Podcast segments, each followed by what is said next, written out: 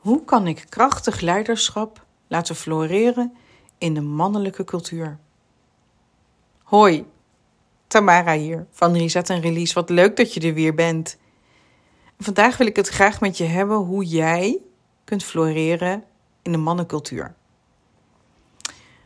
De mannen, ja. Ik ben ze dankbaar, hè? Niks te nadelen van de mannen en ook nooit ten koste van mannen. Ik ben super blij dat die mannen mijn leven zo spicy maken. Zo sterk maken. Maar me ook de ruimte geven om kracht en zachtheid te combineren. Maar ik heb een droom. Een droom waarin ik vrouwen zie floreren. Floreren in de mannenwereld. Naast de mannen. Dus nooit tegenover of ten koste van. Maar hoe zou het zijn als jij als vrouw dat krachtige leiderschap kunt gaan omarmen? En daarvoor moeten we toch eens kijken naar wat zijn dan de uitdagingen? Wat zijn dan de dingen waardoor jij je nog laat tegenhouden? In mijn vorige podcast vertelde ik al dat er veel programma's, conditioneringen, aannames, conclusies en overtuigingen je in de weg zitten, die je leerde in je opvoeding. En ik wil er in deze aflevering graag een aantal even onder de loep nemen. Veel gehoorde blokkade die vrouwelijk leiderschap in de weg ligt, is grenzen. Mannen nemen je niet altijd even serieus. En ze testen je. En ze gaan over je grenzen heen. Ze lachen je uit, ze honen je weg. En je wordt niet gezien, niet gehoord, niet erkend. En ook niet gelijkwaardig behandeld of betaald. En dat doet iets met een vrouw. Je voelt je minder waardig. Terwijl diep in jou leeft een overtuiging dat je net zo krachtig bent, misschien zelfs wel waardevoller bent. En toch wordt dat nog niet erkend of niet gezien. En dit heeft alles ermee te maken met jouw zelfvertrouwen, met jouw grenzen. En als we gaan kijken naar hoe het komt dat mensen over je heen gaan, dan is dat omdat je je niet gezien, niet gehoord, onderdrukt, minder dan of niet goed genoeg voelt. En dat wil niet zeggen dat dat zo is, want het is absoluut niet zo. Maar het is wel een overtuiging die je hebt aangenomen ergens in je opvoeding of ergens in je familielijn. Ik ben systeemtherapeut en wat ik daarmee wil vertellen is dat wij allemaal afkomstig zijn uit een systeem uit een familiesysteem, uit een cultureel systeem, zelfs uit een landsysteem. We zijn allemaal makkenschaapjes in een hok, die allemaal lessen hebben meegekregen hoe we ons moeten gedragen, wanneer we ons mogen gedragen. En corona was daar een heel mooi voorbeeld van. Er werd in ons land gestopt met de drie zoenen. De drie zoenen. Elke verjaardag als je binnenkwam, die, die is er niet meer. Het was cultureel erfgoed. Het was iets wat we gewoon deden. En corona heeft daar een einde aan gemaakt. Maar we ontdekten ook dat lang niet overal er drie zoenen gegeven wordt. Het was gewoon een afspraak. En zo is er in de mannencultuur afspraken over hoe mannen dingen doen. En mannen hebben het gewoon altijd alleen voor het zeggen gehad. Want wij vrouwen waren veroordeeld tot het huishouden. En pas sinds drie generaties zijn we echt meer en meer geaccepteerd geraakt. Volgens de wet hebben we ineens stemrecht. Maar het feit dat we die rechten hebben, betekent nog lang niet dat we ook die rechten allemaal kunnen benutten.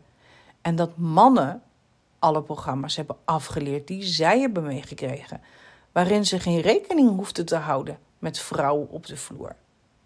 En wij vrouwen zijn maar rare wezens. Wij vrouwen hebben niet zoveel stabiliteit als mannen. We zijn niet zo recht, rechtlijnig als mannen. We zijn niet geconditioneerd als mannen. We hebben niet dezelfde humor. En we hebben ook niet dezelfde uitdagingen. En toch willen we heel graag gelijkwaardig zijn aan elkaar. Nou is dat natuurlijk niet helemaal mogelijk, maar toch, als jij leert dat je waardevol bent, dat je krachtig, waarachtig en prachtig bent, dat je niet minder dan bent, dat je niet onderdrukt hoeft te zijn, dat je niet tekort doet, dat je geen status quo hoeft vast te houden, dat je nergens schuldig aan bent, dat je geen verlies hoeft te lijden, dat je geen achteruitgang hoeft te ervaren, geen terugtrekkende beweging meer hoeft te maken, niet hoeft te people pleasen om uiteindelijk daar te komen waar je naar droomt, waar je van verlangt.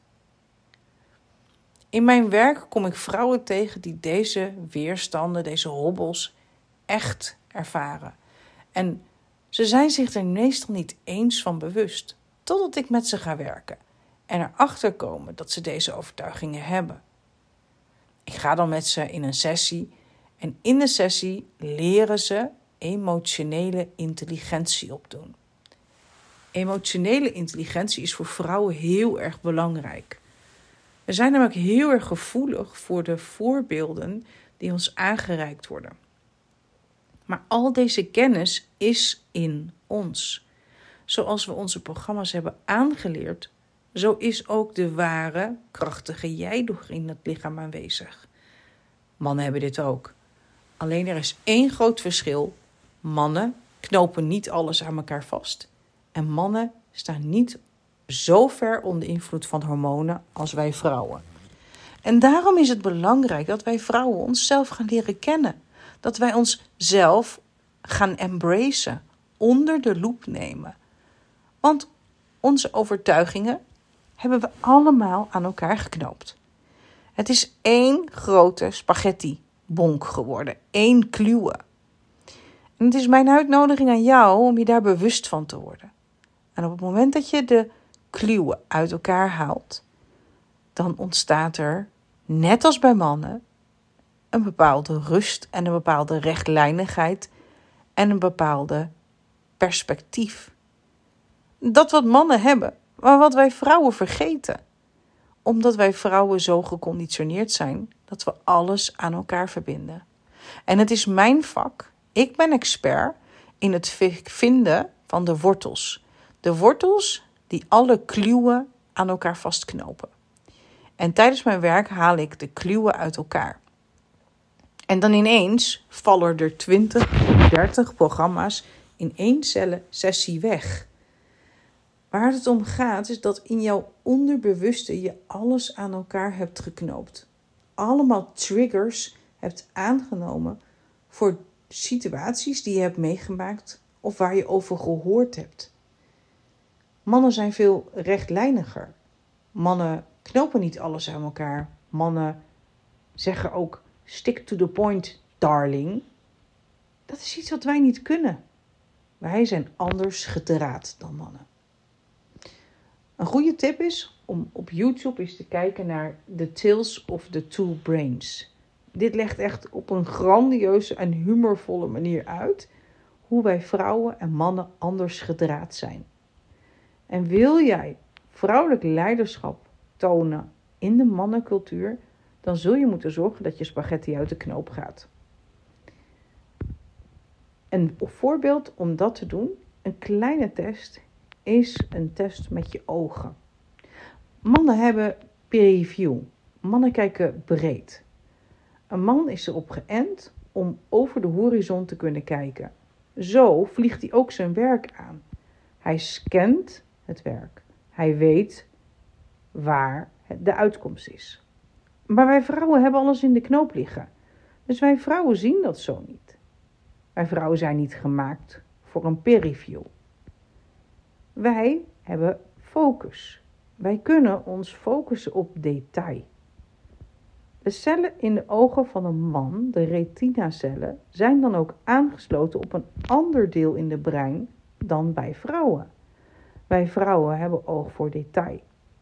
Wij vrouwen hebben oog voor veel details. Wij vrouwen zien ook stof en kunnen de nageltjes van babytjes knippen.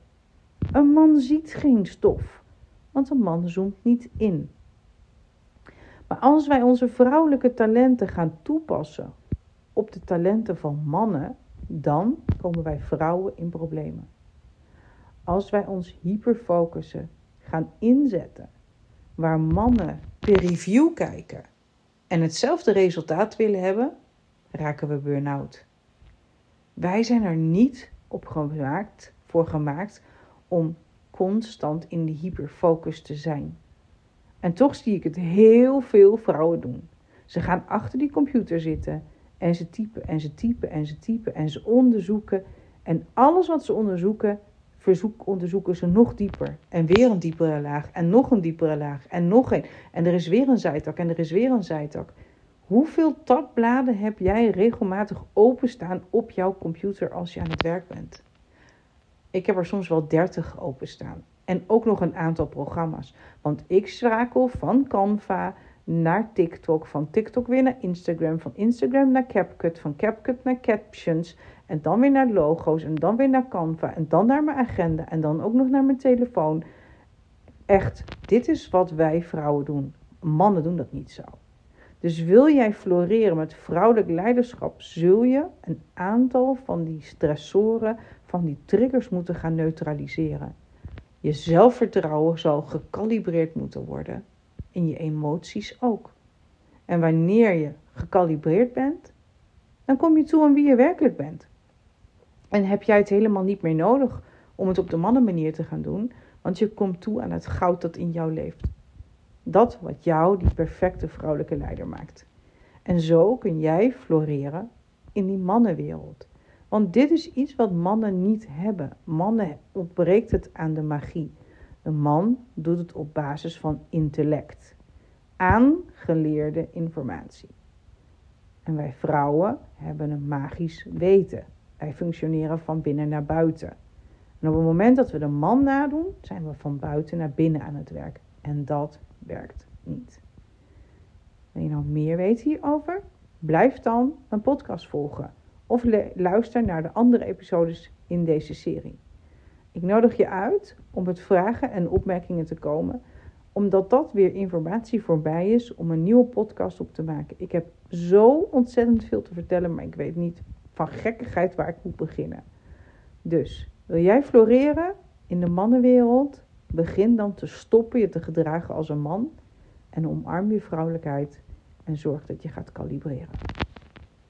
Ik nodig je uit om met mij in gesprek te gaan hierover en ik ontmoet je graag in een volgende episode. Dankjewel voor het luisteren en tot de volgende keer.